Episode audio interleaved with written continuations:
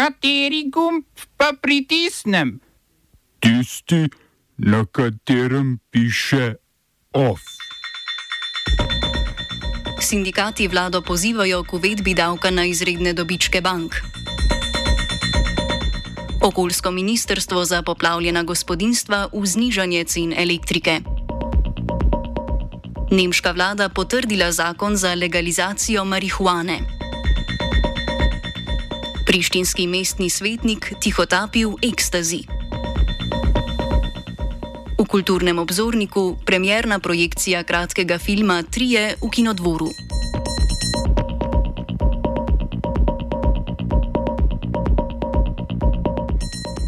Nemška vlada je potrdila predlog legalizacije pridelovanja in rekreativne uporabe marihuane. Predlog zakona gre tako v Bundestag. Po predlaganem zakonu bi bilo polnoletnim osebam dovoljeno posedovati do 25 gramov marihuane in goriti, gojiti do tri rastline za osebno uporabo.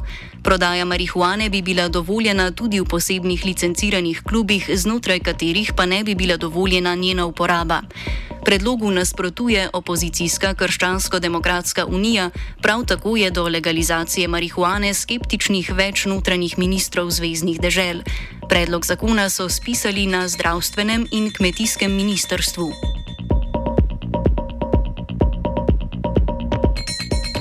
Albanska policija je v Tirani aretirala prištinskega mestnega svetnika Besnika Mujecija zaradi tihotapljenja ekstazija.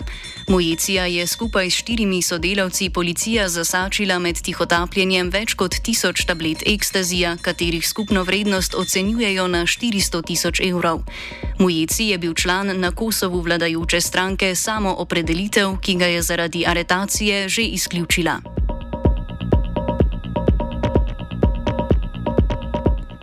Umanski državni proizvajalec zemljskega plina je podpisal dogovor z nemškim energetskim podjetjem Sefe za dobavo 400 tisoč ton utekočinjenega zemljskega plina v Nemčijo. Toliko plina bo umansko podjetje v Nemčijo dobavilo na leto, začenši z letom 2026. Gre za prvi dogovor umanskega podjetja o dobavi plina v Nemčijo. Nemčija si po uvedbi sankcij proti Rusiji in posledično manjši dobavi poceni ruskega plina prizadeva pridobiti nove vire. 400 tisoč ton plina sicer predstavlja približno 160 lanske porabe zemljskega plina v Nemčiji.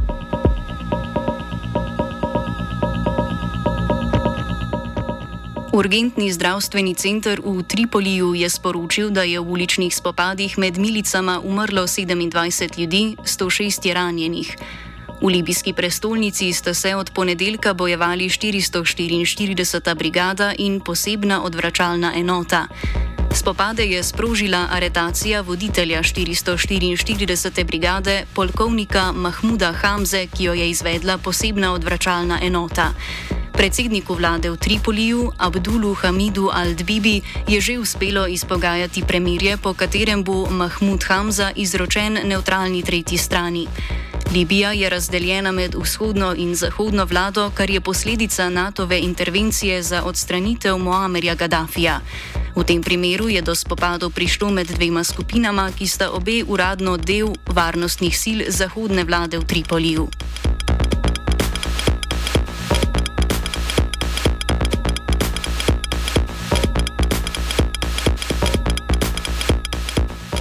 Tajsko ustavno sodišče je zavrnilo pritožbo stranke Korak naprej proti odločitvi parlamenta, ki zmagovalcu volitev Piti Linčernratu ni dovolil unovične kandidature za mandatarja.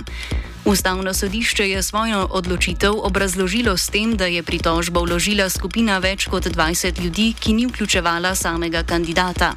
Na naslednjem glasovanju za mandatarja bo tako kandidiral nepremičninski mogotec Seta Tavisin iz stranke za tujce, ki je na volitvah osvojila drugo mesto. Seta je obljubil, da ne bo posegal v zakon proti žaljenju monarhije, za oblikovanje vladne koalicije pa se bo pogajal s konzervativnimi strankami. V stranki Korak naprej so obljubljali reformo strogega zakona, kar je bil eden od razlogov, da Limčorenrata za mandatarja niso podprli v senatu, ki ga imenuje vojska.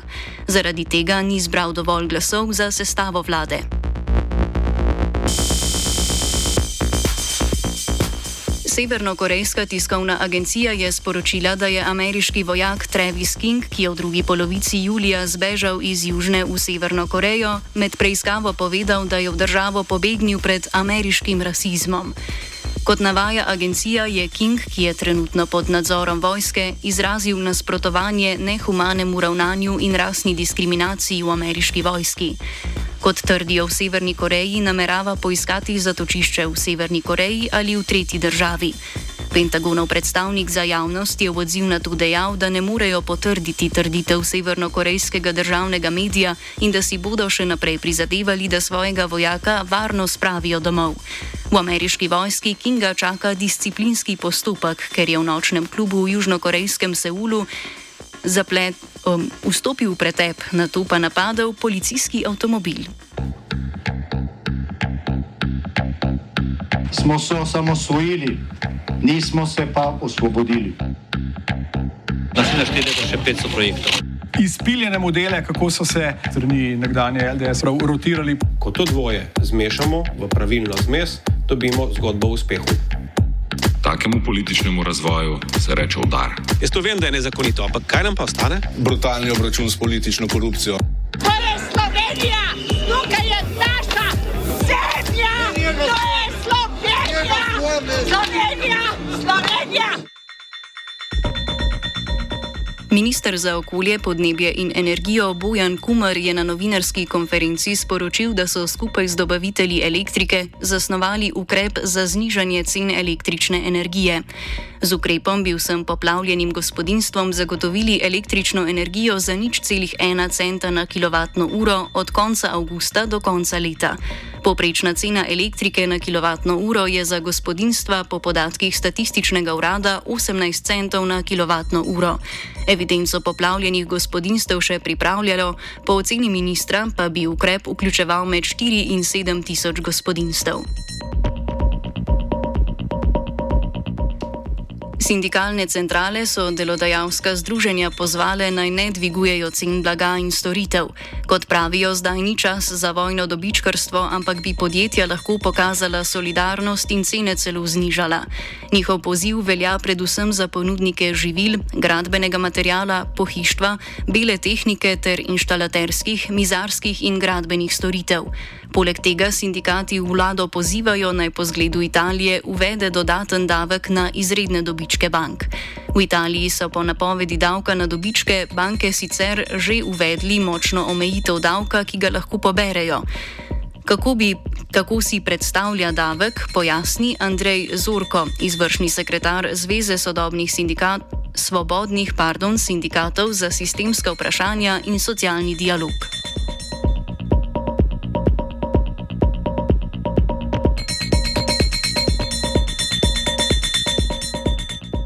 Fiskalna stran je prepričana, ne, da uh, so banke z, v času torej inflacije in pa nizkih obrestnih mer na depozite uh, in nasplošno ustvarjale enormne dobičke.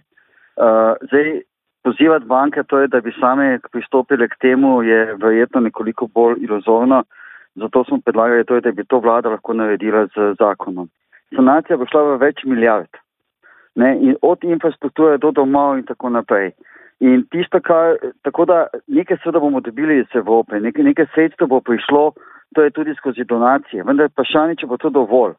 Prej bi rekel, da ne. In to je, gre se, da bi v času, to je, da bi ta dodatni davek, ki bi ga obdavčili, to je banke, ta dobiček dejansko to je preusmerili, to je tudi v sanacijska sredstva po tej ujmi. Vsi v tem je poanta. A ne, to je, da lahko čim več denarja dobimo v čim krajšem času.